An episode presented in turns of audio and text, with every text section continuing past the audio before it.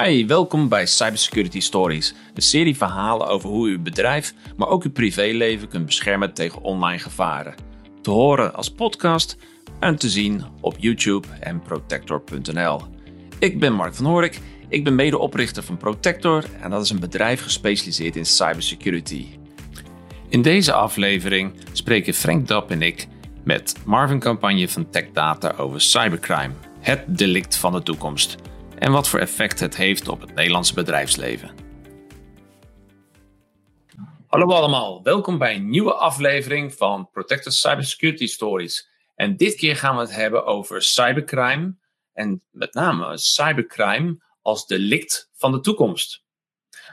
Dat is een uitspraak die uh, de voorzitter van de procureur-generaals uh, had gedaan. Dat is, uh, even checken, Gerrit van den Burg.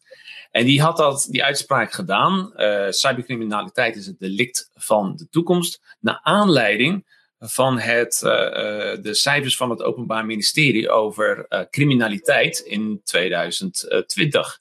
en dat was het jaar waarin corona toesloeg. En dat was natuurlijk een, het waren andere soortige criminaliteitscijfers dan normaal was. Alles wat met de fysieke wereld te maken had, dat werd minder. Maar alles wat digitaal, online was, dat nam toe. En we zullen dat in dit verhaal dan uh, refereren als cybercrime. Uh, naast de cybercrime ging het ook over identity, identiteitsfraude, sorry. Uh, fraude met betaalproducten en fraude met online handel. In alle gevallen was dat sterk gestegen afgelopen jaar. In deze aflevering hebben wij, heb ik Frank Depp mijn, uh, mijn, mijn businesspartner uh, bij Protector. En die al een paar keer in de videopodcast zit. Maar dit keer heb ik ook um, Marvin Campagne van Tech Data bij ons. En daar gaan wij het verhaal over cybercrime en de effecten op het, op het bedrijfsleven. Marvin, welkom bij, bij deze aflevering. En zou jij een beetje jezelf kunnen introduceren en vertellen wie je bent? Ja, dankjewel uh, Mark. Uh, Campagne dus, um, Business Development Manager uh, bij TechData. En um, ik zit in de Network and Security Business Unit. En wat doen wij? More or less even in een nutshell. we helpen onze reseller partners bij het vinden van passende antwoorden op de security uitdagingen in de markt. we, we, zien ons graag als de vitale schakel in het uh, ja, technische ecosysteem.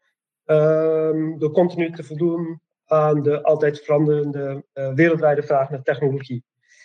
Um, in feite zijn wij um, ja, degene die de schakel is tussen een reseller en de vendor. En daarbij ondersteunen we onze partners zo goed en zo kwaad mogelijk als het kan op het gebied van uh, ja, security vraagstukken. En vanuit dat standpunt, vanuit security vraagstukken, dan kom je ja. natuurlijk veel in contact met organisaties die dus die security vraagstukken hebben. Um, ja. Maar voordat we daar even verder op ingaan, Frank, als we over cybercrime praten, kan je wat voorbeelden geven, zodat de luisteraar en de kijker even een goed beeld krijgt van wat zijn dan al die cybercrime uh, uh, gevallen? Zeker. cybercrime is natuurlijk een, een heel breed, heel breed begrip.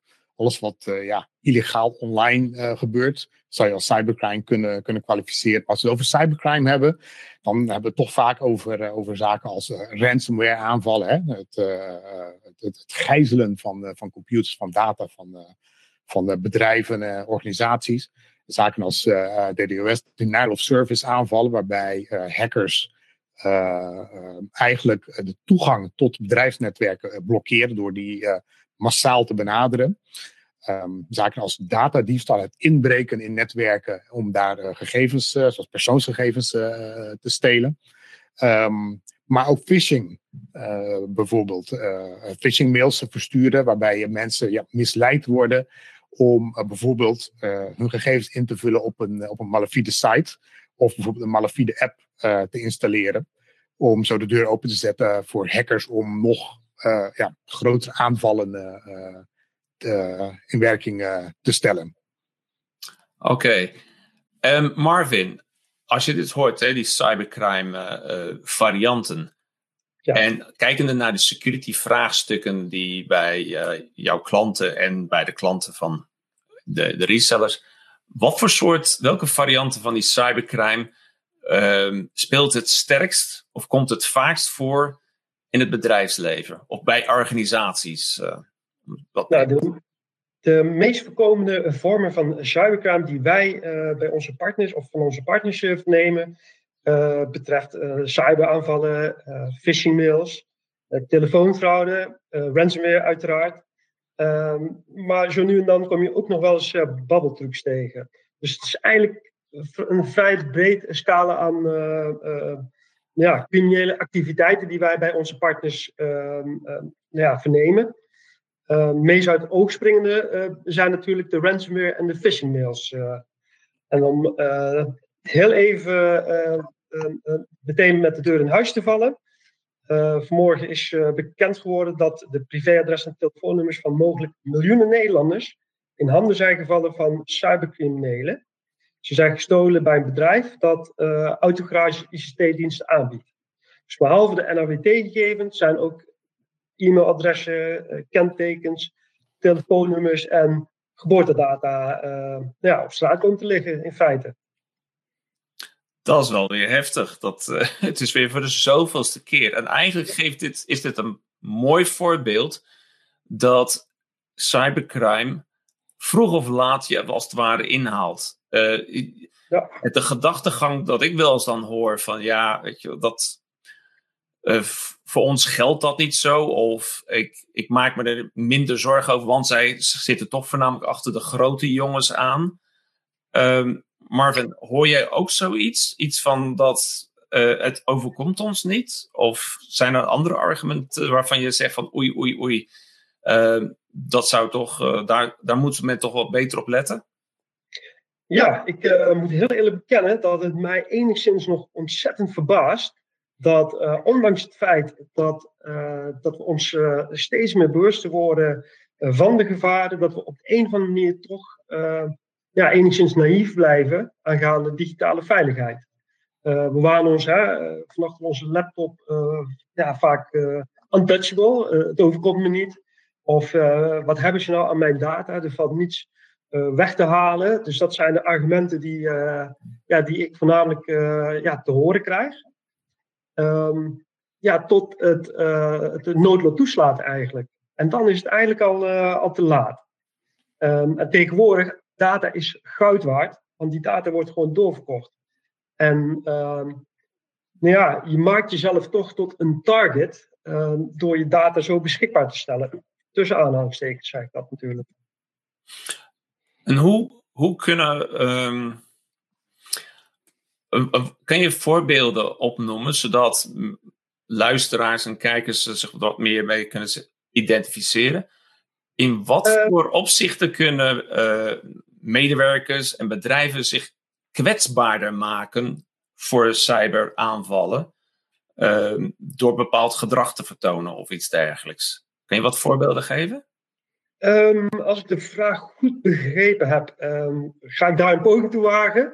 Um, nou, als eerste wil ik beginnen uh, met een, uh, een onderzoek uh, dat wij vorig jaar zelf gehouden hebben onder onze partners. En daaruit bleek dat pak een beet 5% van de medewerkers normaal gesproken op een, op een phishing mail ingaat en daadwerkelijk het document ook opent. Hiervan geeft vervolgens 75%, dus dat is een vrij hoog aantal, zijn inloggegevens Dus um, ondanks het feit dat je de allerbeste security features hebt ingecalculeerd, blijft de mens toch enigszins de zwakste schakel. Um, dus bewustwording is één. Maar goed, je blijft als mens zelf degene die op de linkjes klikt. En um, nou ja, het, het, blijft natuurlijk um, een, doelstelling op zich om mensen continu nou ja, te informeren, uh, bewustwording uh, te creëren. Uh, en dat is een ongoing proces in feite. Bewustwording is het begin van een goede security en daarna komt de technologie vanzelf, zeggen wij altijd. Ehm, en dat blijkt ook uit, uit, diverse ja, feiten. Ehm, als ik nog heel even een stukje verder mag vertellen over, over ransomware bijvoorbeeld. Hè? Het is hot tegenwoordig, zou ik maar zeggen. Nou, ransomware is in feite niet iets, iets wat nieuws is, zeg maar. nou ja, het stamt alweer uit de jaren 80. Maar nog nooit was het zo um, ja, kennelijk eenvoudig voor criminelen om data te gijzelen in ruil voor losgeld. Nou, waar je uh, pak een beetje een jaar of tien geleden nog een doorgewinterde uh, hacker moest zijn om een succesvolle ransomware aanval te organiseren, ja, kun je nu in feite zonder al te veel kennis van zaken een ransomware campagne starten. Um, ja, ransomware wordt zelf door cybercriminelen als, als een, service aangeboden. en om in voorbeelden te spreken. Ja, denk dan bijvoorbeeld als, uh, aan, ja, voorbeelden zoals uh, de Universiteit van Maastricht, het Hof van, uh, van Twente, waar dus de ransomware hacks hebben plaatsgevonden. een stukje verder terug nog de partij in Antwerpen. Um, en je zou, na, ja, eigenlijk zou je denken van joh, we hebben nu al zoveel voorbeelden gehad. Iedereen zou nu hè, bewust moeten zijn van de gevaren. En toch wordt op de linkjes geklikt. En... Als ik daar iets aan eh, mag, mag, mag toevoegen, eh, met name over het, het ransomware. Uh, we hebben het natuurlijk in het begin gehad over het, het toenemen van, van, van het aantal aanvallen, toename van, van de cybercriminaliteit. En een aantal van de voorbeelden die je gaf, daar zijn, ja, daar zijn de organisaties uiteindelijk ook overgegaan tot betalen van, van het losgeld om het later weer vrij te krijgen. En ja, dat heeft natuurlijk ook een, een, een neveneffect dat uh, uh, ja, de, criminele maatschappij, noem ik maar even, uh, leert dat dit soort, dat dit soort criminaliteit ja, kennelijk het geld oplevert, kennelijk de moeite waard is en lucratief is. Dus um, ik denk dat los van, van, van, van het besef van de mogelijkheid van aanval, denk ik ook dat organisaties, dat wij zelf ook van onszelf bewust moeten worden dat um, bewust of onbewust meewerken aan deze criminaliteit, uh, in feite de criminaliteit alleen maar in stand houdt. Ja, het werkt natuurlijk ook niet mee dat over het algemeen losgeld goedkoper is dan uh, de, hele, nou ja, de hele boel weer opnieuw te herstellen. En, en, en dat, denk ik, helpt ook de boel in stand houden. Er is wel een tendens gaande, uh, want het losgeld wordt steeds, wordt steeds hoger. We hebben recentelijk gezien dat uh, uh, er een losgeld van 50 miljoen uh, dollar aan, aan cryptocurrency was gevraagd. Ehm, maar afgezien van die hele hoge bedragen, waarvan menigeen zal zeggen: Nou, dat zal ik niet overkomen, want ik ben een kleine bedrijf. Maar relatief gezien kan er nog steeds ransomgeld van enkele tienduizenden euro's of zelfs honderdduizenden euro's gevraagd worden. En dat is toch voor menig bedrijf echt wel, uh, echt wel slikken. Het is bedrag dat je anders voor een marketingcampagne had opzij gezet. Misschien uh, uh, een nieuw onderdeel van een pand laten verbouwen. Al dat soort zaken. En ja, je moet dus losgeld betalen, want anders kan je niet verder. En die kosten zijn meestal nog hoger. Dus ja, wij zeggen vaak genoeg, hè, Frank, dat voorkomen is beter dan genezen. Ja, ik wil ook is, uh, veel beter dan, uh, dan genezen. Want de kosten beperken zich natuurlijk ook niet alleen tot uh, het losgeld dat je, dat je moet betalen. Maar denk nog ook even aan, aan de kosten die je nog hebt om de zaak te herstellen, om de zaak op te schonen. Uh, je hebt uh, te maken met een datalek die gemeld moet worden bij de autoriteiten, waar je misschien zelfs een boete voor kunt, kunt, kunt krijgen. Denk aan de kosten van, van de reputatieschade. Hè? partijen, relaties die in de toekomst misschien geen zaken meer met je willen doen, omdat hun gegevens bij jou niet, niet, niet veilig zijn. Dus het losgeld is lang niet de enige kostenpost in dit, in dit opzicht. Marvin, heb jij het gevoel dat uh, uit, uit de markt, bij, laten we zeggen, MKB Nederland, dat dat besef er ook wel is? Dat men beseft dat als het fout gaat, dat het dan ook goed fout gaat? Niet alleen economisch gezien, maar ook qua reputatie. Uh, maar ook gewoon het gevaar die dan ontstaat. Uh, nou, zeg maar datalekken, privacygevoelige Heb jij het gevoel dat men, dat men dat wel weet? Of is dat toch nog meer van omdat wij er zo in verdiept zijn. wij weten het wel, maar het merendeel is, dat, is toch niet bekend. Ondanks dat er iedere keer weer iets in het nieuws staat. Nou, um, ik heb toevallig uh, wat gegevens uit 2019 uh, uh, onlangs gelezen. En daaruit blijkt dat van de, ehm, de MKB-klanten die gehackt zijn, dat daar 72% van de gehackte MKB-bedrijven binnen een jaar faillissement aanvragen. dus dan hebben we het nog niet eens over reputatieschade. Dan hebben we het alleen maar over uh, het hoofd boven water houden na zo'n aanval. Uh, het, blijft een kostbaar ding om uh, nou ja, je gegevens kwijt te geraken. Denk aan, eh, klanten die weglopen, omdat, zoals Frank al aangaf, nou ja, je enigszins niet te vertrouwen bent als, ja, als, als partij waar mensen hun gegevens ja, aan toevertrouwen. Dus we zien het daadwerkelijk in de markt. En nou ja, ik kan jou daar alleen maar gelijk in geven, Mark. Voorkomen is, uh, is altijd beter dan uh, genezen. Um, nou, het afgelopen jaar hebben we hè, uh, een toename gezien in cyberaanvallen. Er worden diverse, diverse malware- en ransomware campagnes gezien met als onderwerp COVID en corona. Um, nou ja, door de toename van telewerken hebben we nou ja, eigenlijk eh, te maken met veel meer medewerkers die toegang uh, van buitenaf krijgen tot netwerken van bedrijven. Dus de risico's die zijn alleen maar toegenomen. Um, maar uh, ik, wil niet alleen, ik wil niet alleen de corona en de COVID ransomware campagnes ja, hier um, ja, presenteren of, of, kenbaar maken. Want er zijn natuurlijk andere, andere campagnes ook gaande. zo las ik vanochtend nog een, een onderzoek uh, een, een, nou uh, een waarschuwing afgegeven door de FBI um, aangaande zogenaamde verkeersovertredingen. Dus uh, ja, een, een, aanval begint met een e-mail. die staat te ontvangen. Um, um, nou ja, die te ontvangen eigenlijk bewust van een verkeersovertreding die hij of zij heeft begaan. Er wordt een mailtje gestuurd met een link die verwijst naar een website, waar bijvoorbeeld wordt aangegeven: er is hier een, een foto van je overtreding te vinden. Uh, ja, ik durf te wedden dat 9 van de 10 mensen toch zoiets hebben van, dat was ik niet. Of hè, uh, nou ja, laat ik toch maar even kijken, want het kan goed zijn dat ik daar gereden heb. Want ja, zo geslepen uh, zijn de criminelen tegenwoordig ook. Hè. Dus uh, ze weten nou ja, je dagelijkse routine. ze duiken in je, in je, je afval, nou ja, noem het maar op. vervolgens wordt er ehm, ehm, als fotobewijs op een, nou ja, op een linkje geklikt blijkt een JavaScript-bestand eh, te zijn. Nou ja, vervolgens wordt je, ja, heel je, je netwerk uh, eigenlijk besmet en uh, nou ja, ga er maar naast staan. Dus we zien, we zien steeds meer allerlei soorten vormen van cybercrime voorbij komen. Dus ik wil heel goed dat mensen, hè, voornamelijk op de COVID,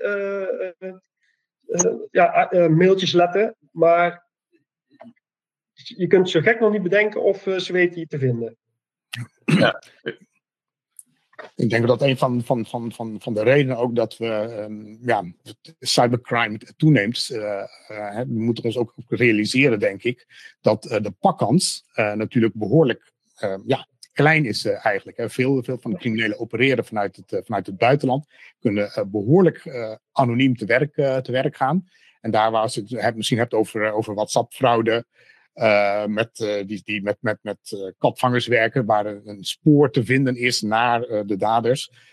zijn natuurlijk bij, bij bijvoorbeeld de ransomware aanvallen en de phishing aanvallen, is daar het spoor natuurlijk veel moeilijker te, te vinden.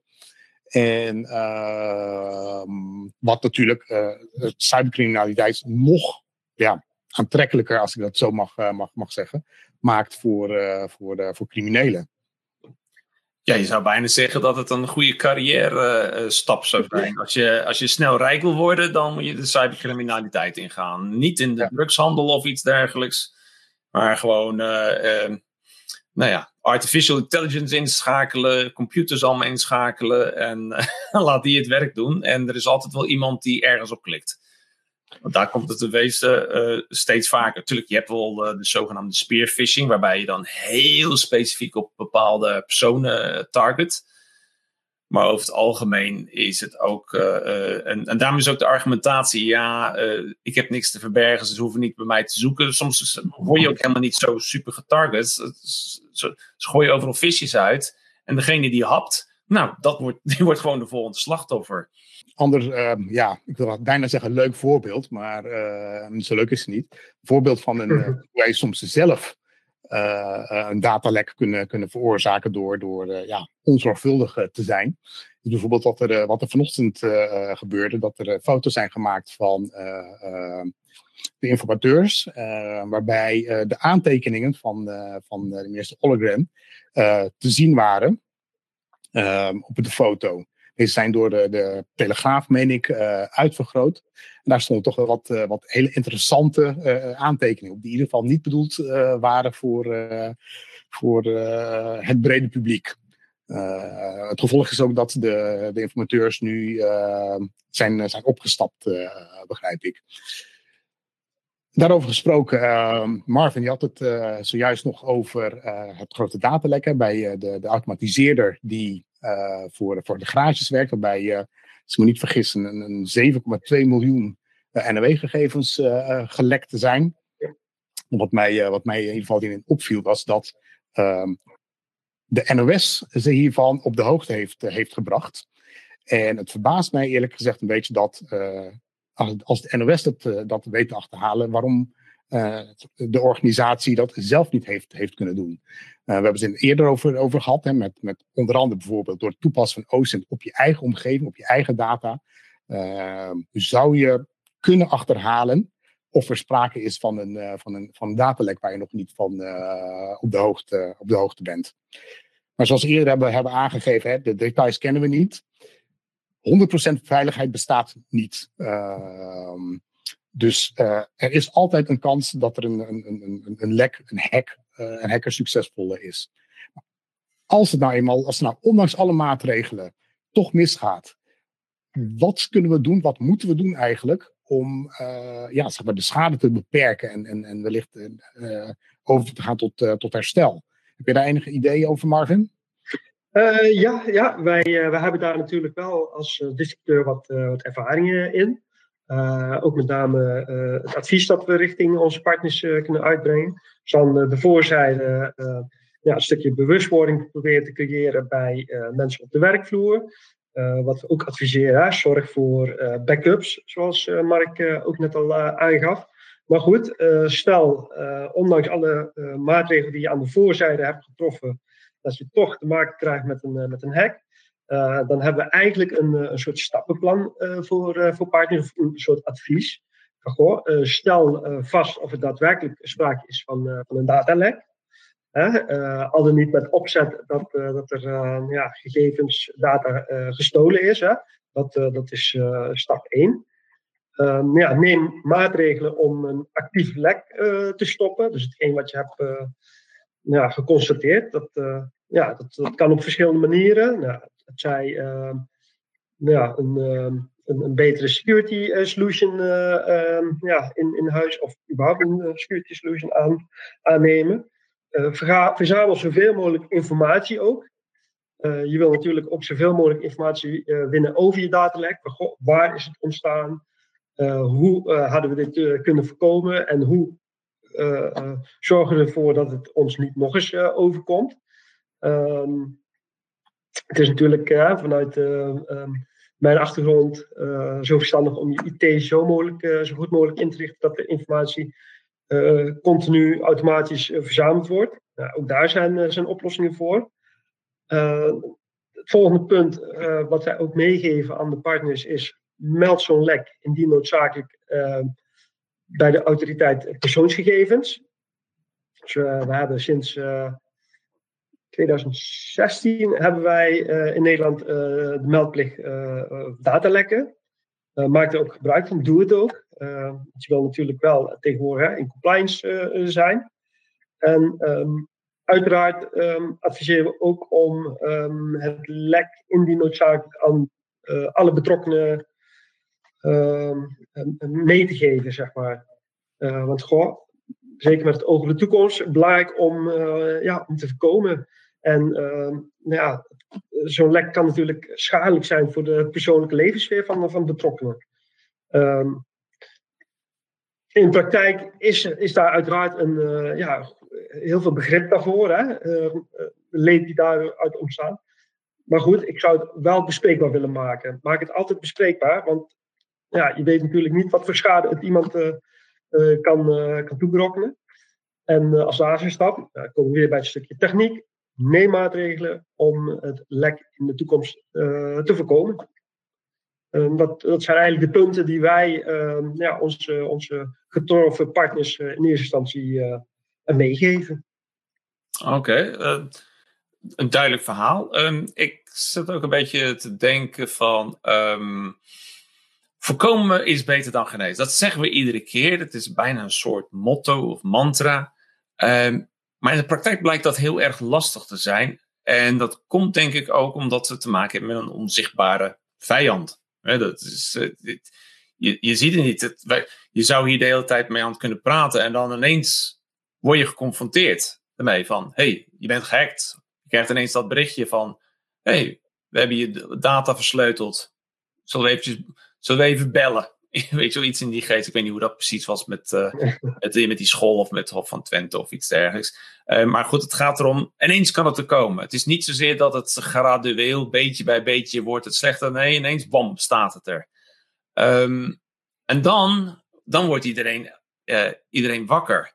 Um, dus zo'n plan B is denk ik voor een heleboel organisaties van groot belang. Want als je dat voorkomen, nou ja, niet zo hoog op de uh, prioriteitenlijst hebt staan, of daar gewoon te weinig mee doet, um, dan komt er het moment dat het gebeurt en dan moet je eigenlijk iets, iets gaan doen. Heb jij het gevoel dat bij MKB Nederland dat, uh, um, dat ze pas echt een actie komen als inderdaad iets is gebeurd en dus dan plan B, uh, herstelplan ingezet moet worden?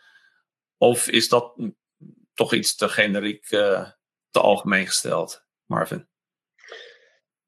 Uh, goeie vraag. Ehm, het, ik denk persoonlijk ook dat het per branche verschilt. Uh, ervaring die wij hebben is dat, nou ja, we komen natuurlijk nog steeds voor dat er partners ja, aankomen met eindklanten die uh, nou ja, een voorstel krijgen om hun omgeving te beveiligen. En dat steeds maar blijven uitstellen, blijven uitstellen. En inderdaad, vroeg of laat gaat het bij een enkeling wel eens mis. maar dan gaat het ook gigantisch mis. En um, ik heb wel het idee, of wij hebben wel het idee dat MKB Nederland um, ja, steeds bewuster daarmee mee omgaat. En dat er steeds betere maatregelen worden getroffen. Uh, maar goed, je blijft er altijd wel een, een paar uitzonderingen op nahouden. Die uh, aangeven, joh, het, uh, het, het, is ver weg van mijn bedshow, het overkomt me niet. Um, ja, dus, dus ja, je, ja je, je blijft er. Uh, ja, je, je blijft toch, toch tegenkomen. ja, het MKB heeft in feite een plan B. Maar de volgende stap is, volg dat ook allemaal op. Of zoveel mogelijk op, zeg maar. Ja. Hey, je gaf het ook aan over branches. Daar ben ik even benieuwd naar. Zijn, zijn er bepaalde branches in, eh, of sectoren in, uh, in, in het Nederlands bedrijfsleven, maar of gewoon, gewoon in de Nederlandse samenleving, die kwetsbaarder zijn uh, dan, dan andere? Ik kan me voorstellen dat niet elke organisatie of elke branche hetzelfde hetzelfde is. Uh, um, maar zie jij specifieke sectoren die het bijvoorbeeld juist heel erg goed doen? En andere specifieke sectoren die wat dat betreft achterlopen of achterblijven? Um, wat mij uh, daarin opvalt zijn met name financiële instellingen die, uh, die het ontzettend goed doen. Ehm, die steken wat mij betreft enigszins ja, met kop en schouders bovenuit. Maar dat is puur gebaseerd op mijn eigen ervaringen. Um, die hebben zich ook namelijk eh, te houden aan, uh, aan, uh, ja, de, de, de wetgevingen. denk aan AVG-wetgeving. dus dat soort branches, daar zien we het. Ja, dat, dat, die hebben het eigenlijk wel, wel op slot, zou ik maar zeggen. nou ja, heel veel voorbeeld wat ik nu geef, maar ja, de autobranche, ehm, dat, dat is een branche Die, dat zeg ik nou niet omdat we nu een, een ja, actief case hebben. Maar die dat, is, dat is een branche waar ik van, van durf te zeggen dat die nog stappen te maken hebben. Dus... Oh, oké, oké, dat is interessant. Hey, ik vroeg me ook een beetje af, want je zegt hè, de bankensector die doet het, maar die heeft natuurlijk met ontzettend veel regels te maken. Ja. Komt het misschien ook juist door de wetgeving, het compliance stuk, dat het compliance stuk organisaties dwingt om, uh, om dit voor elkaar te krijgen en niet zozeer de mogelijke risico dat men gehackt wordt aan zich, maar dat het meer is we worden opgelegd vanuit uh, regel, wet en regelgeving. En dus moeten we het vanuit die hoek onze zaakjes in orde hebben. Kijk, uh, is dat een, een, beeld dat, dat jij zeg maar, ook hebt? Of, uh... Nee, nee dat, dat heb ik in, in dit geval gelukkig niet. Um, ik denk ook, nu we het daar over de, de, de branches hebben, dat, ehm, dat de, branche, de branche zelf ja, zich bewust is van het feit dat ze natuurlijk heel veel te verliezen hebben. En uh, iemand die heel veel te verliezen heeft en die zich daar bewust van is, ja, die uh, wil ook zijn zaakjes zo goed mogelijk op orde hebben en ook natuurlijk haar klanten zo goed mogelijk beschermen. Dus ik denk dat het vanuit zulke organisaties zelf ook komt. En de wetgeving um, ja, is, is eigenlijk meer een, um, een, een stok achter de deur voor ze geweest om dat proces te versnellen. Um, maar ik denk niet zozeer dat, uh, dat het vanwege uh, het feit dat het uh, de overheid wordt opgelegd, dat ze daarom daar pas mee aan de slag zijn gegaan. Want het is wel uiteraard, ook een branche die eigenlijk voorop liep op de, de rest van de, van de markt, zeg maar. Zij hadden hun zaakjes ja, eigenlijk als een van de eerste branches ja, op orde, zeg maar. Dus ik, ik, ik, denk dat het daar niet specifiek mee te maken heeft. Uiteraard wel, maar het is niet de hoofdreden. Oké. Nou, is dat mij... duidelijk eh, zo? Of, uh... Ja, ja, ja. Dus, nou goed, kijk, waar het, waar het mij eigenlijk om ging, was dat. Uh, um, wat zou voor een organisatie een, een belangrijke signaal of een belangrijke trigger zijn om, om zoveel mogelijk te voorkomen dat cybercrime vat krijgt uh, op hun organisatie. En dat kan natuurlijk zijn omdat je dat links en rechts hoort. Het kan zijn omdat je inderdaad heel erg bewust van bent dat het je kan overkomen. Dus moet je er wat aan doen en het voorkomen. We weten allemaal dat 100% veiligheid, dat bestaat gewoon niet. Niemand kan dat garanderen. Zelfs de, zelfs de, de bekendste cybersecurity bedrijven worden zelf ook gehackt. dat is ook voorgekomen. Uh, dus het kan altijd voorkomen, uh, plaatsvinden. Maar wat dan? Dat is dan die plan B waar we het eigenlijk net ook over hadden. Um, maar ik vroeg me dus inderdaad af van hoe zit het dan met die wetgeving, de compliance, AVG, eh, al, allerlei normeringen en dergelijke waar je aan moet voldoen. En dat is een beetje de. En ik denk dat je een, een goede uh, omschrijving geeft van, joh, uh, het is niet zozeer het argument om de zaken te doen, om je organisatie te beveiligen. Maar het is wel een hele goede stok achter de deur. deur. Wat je anders misschien, nou, misschien volgende maand pakken we het op. Dat door wet en uh, regelgeving, dat je dat niet kan uitstellen tot volgende maand, want je moet het nu geregeld hebben. Is dat een beetje een, een, een, samenvatting van wat je, um, wat je net zei en, en hoe je daarvoor staat? Ja, ja, dat heb je heel mooi uh, samengevat en opgezomd. Ik wil er nog wel één ding aan toevoegen. Ehm, met name het feit dat organisaties massaal overstappen naar de cloud. Ehm, ehm, wat op zijn beurt weer de opkomst van hybride infrastructuren heeft gestimuleerd. En dan wordt het nu eventjes een stukje technischer. maar dat is ook een proces wat bij dit soort organisaties het, het security-vraagstuk eigenlijk hè, uh, heeft, heeft versneld. Dus met name een andere manier van werken. Iedereen wil tegenwoordig hè, um, um, ja, remote kunnen, kunnen werken. we willen overal en ten alle tijden bereikbaar zijn. Dus dat proces heeft het natuurlijk ook, ook geholpen zeg maar, om dat te versnellen. ja, de cloud, het, het, verplaatsen van, van, van, van applicaties naar de cloud, heeft natuurlijk het voordeel dat je eigenlijk daarmee ook een stukje security uit, uitbesteedt. Maar dat heeft ook natuurlijk nadeel dat als het, zeker voor, voor de, de leverancier van de clouddiensten, uh, als het er dan een keer toch mis zou gaan, gaat het ook gelijk heel erg goed mis. Want het gaat ook voor heel veel partijen uh, tegelijkertijd uh, mis. En dat is natuurlijk met, met, voor partijen die diensten aan meerdere andere partijen leveren, natuurlijk een, een extra, zou dat een extra stimulans moeten zijn om extra aandacht te besteden aan aan, de security. En los van de wetgeving is, heb je natuurlijk ook een stukje, ja, ik wil haast zeggen, zorgplicht uh, naar je klant, naar je relaties, naar de klanten van je klanten uh, toe. Uh, want we hebben het net even over, over een aantal, zeg maar over de financiële consequenties van een hack gehad. Maar we denken natuurlijk dat een aantal zaken gewoon niet, ja, eigenlijk niet terug te draaien zijn. Op het moment dat inderdaad de NRW-gegevens op, op straat belanden. Er is eigenlijk weinig wat je nog aan kunt doen om dat terug terug te draaien. Dus er moet ook een, een, een, een zeker moreel besef zijn bij organisaties. Uh, dat uh, veiligheid niet alleen hun eigen organisatie aangaat, maar ook de mensen, ook de organisaties uh, om zich heen. En dat dat bij veel organisaties nog niet helemaal uh, goed doorgedrongen is. Ik denk dat ik daar gelijk eventjes op aanhaak, Frank. Ik heb laatst een, een filmpje gedeeld op LinkedIn. En dat ging over een bedrijf die uh, eh, 1 eh, miljoen dollar uh, kwijt was geraakt door, nou, door identiteitsfraude. En het kwam omdat de leverancier, daarvan was het e-mail gehackt. En dus de hackers sloegen eerst toe bij die leverancier. En vervolgens hebben ze dan mails verstuurd vanuit die mailbox naar de klanten van die leverancier. En daarom waren ze geslaagd dat ze een, miljoen dollar wisten los te peuteren van die klant. En dat is een, heel goed voorbeeld dat, dat een hack uh, heel vaak niet beperkt is tot, tot één organisatie.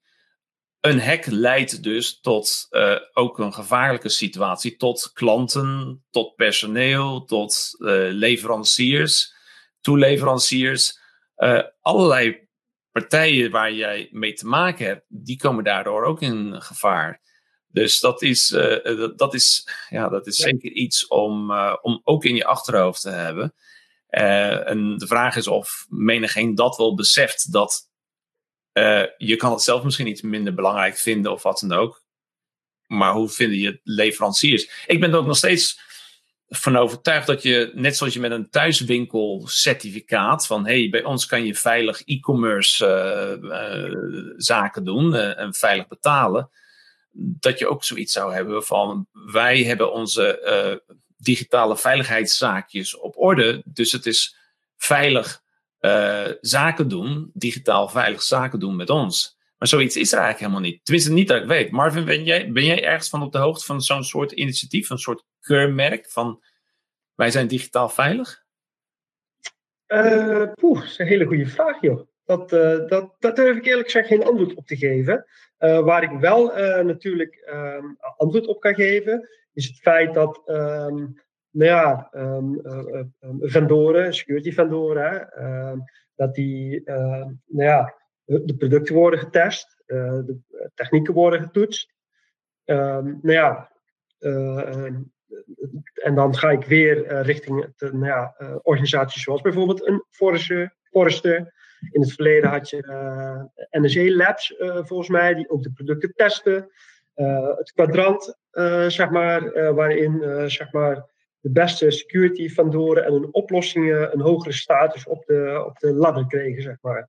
Dus in zoverre een keurmerk, dat, dat durf ik niet te zeggen, maar je kunt wel eh, het is wel na, uh, op te zoeken of, of na te gaan welke uh, security oplossingen zeg maar, het beste in de, door de markt eigenlijk worden ge, ja, gepositioneerd of aangedragen. Ja. Dat, dat, kan ik wel aangeven. Maar een specifiek keurmerk volgens mij niet. niet. Bij mij niet bekend. Oké, okay, maar stel nou eens hè, dat... Goeie vraag. Hoe zou je zo, zoiets dan vinden? Kijk, ik, ik zou dat, zeker als ik zaken moet doen, hè, en dan ga je inderdaad van nou, wat voor diensten en wat voor producten je levert. Um, en natuurlijk, je moet in de verwerkersovereenkomst, moet dan ook wel aangegeven worden. Maar ja, ik denk dat dat zeker nu uh, de cybercrime uh, zo vaak um, uh, toeneemt, dat dat ook wel een argumentatie gaat worden van. En hoe, hoe heb jij je, je digitale veiligheid, veiligheid, hoe heb je dat eigenlijk geregeld? en hoe, maar als je dit verhaal zo aanhoort, even zo'n zo keurwerk, zou jij daar ook een voorstander van zijn? Um, ik, ik vind het eerlijk gezegd een kleine uitdaging, als ik heel eerlijk mag zijn. Want we hebben natuurlijk tijdens dit gesprek al een aantal keer aangegeven, joh, 100% garantie heb je, heb je nooit. Um, en, en dan denk ik bijvoorbeeld alleen aan Zero Days initiatieven. dus kwartaardige malicious malware bijvoorbeeld, of um, ja, ja, kortaardige malware die net ontworpen is, die nog niet kenbaar is in verschillende databases van diverse vendoren. Ik denk dat het nog wel eens voor een uitdaging zou kunnen gaan zorgen. Ah, Oké, okay. okay. misschien is het nog een beetje een, een, een, brug te ver, om zo maar te zeggen. Dat, dat, dat vermoeden heb ik wel, want kijk, de cybercriminelen, um, ja, die passen natuurlijk die, passen hun strategie en hun manier van werken ook continu aan. Um, dus je moet, het, het, ja, je moet uh, eigenlijk uh, ahead of the game blijven, zeg maar. En dat kan nog wel eens voor uitdagingen zorgen. Ik, um, ja, ik, ik, zie het nog wel, uh, ik, ik, zie het er niet zo snel van komen, als ik heel eerlijk ben. maar we kunnen ja, misschien de 100% niet garanderen dat, iedereen alles kunnen beschermen. Als we tot 99,99% komen, dan denk ik dat we al, een ja, goed eind op, eh, op weg zijn. En verzekeraars die stellen natuurlijk ook ja, een soort minimum eisen voor het, voor het verstrekken van een, van een, een, een, een, een cybersecurity verzekering. En wellicht is dat misschien wel een, een goed uitgangspunt voor, voor organisaties om te kijken wat, worden, wat zijn nou eigenlijk de minimum eisen waar je aan moet, moet, moet voldoen. Uh, los of je verzekering neemt of niet. Maar er zijn inderdaad kennelijk wel, er bestaan daar wel ideeën over in, ja in die hoek. ja, ik, ik vind het heel erg tricky. Uh, als ik dan heel even terug mag gaan naar een, uh, een grote Nederlandse bank een aantal weken geleden. Toen bekend werd dat zij de schade die ontstaan is bij hun klanten door bijvoorbeeld phishing mails. ja, vanaf een bepaald bedrag mogen gaan vergoeden. maar goed, wie is hier dan in, feite de schuldige? de bank. Um, de ICT-partner die ehm, ja, het, het security vraagstuk voor, voor zo'n organisatie in behandeling neemt of, of onder heeft. Um, maar goed, dan, dan wordt het wellicht ook een strijd. Hè? Want stel, de IT-partner die informeert uh, de, de, klant van joh, eh, tref maatregelen en de klant die doet dat niet. Om, om wat voor reden ook, financieel, technisch, nou, je kan zo gek niet denken. Ja, dan, dan ga je toch, uh, denk ik, in een, in een zwarte piet discussie komen. Dus het lijkt me wel een, een, eh, een uitdagend stuk om, eh, om dat heel goed in te regelen.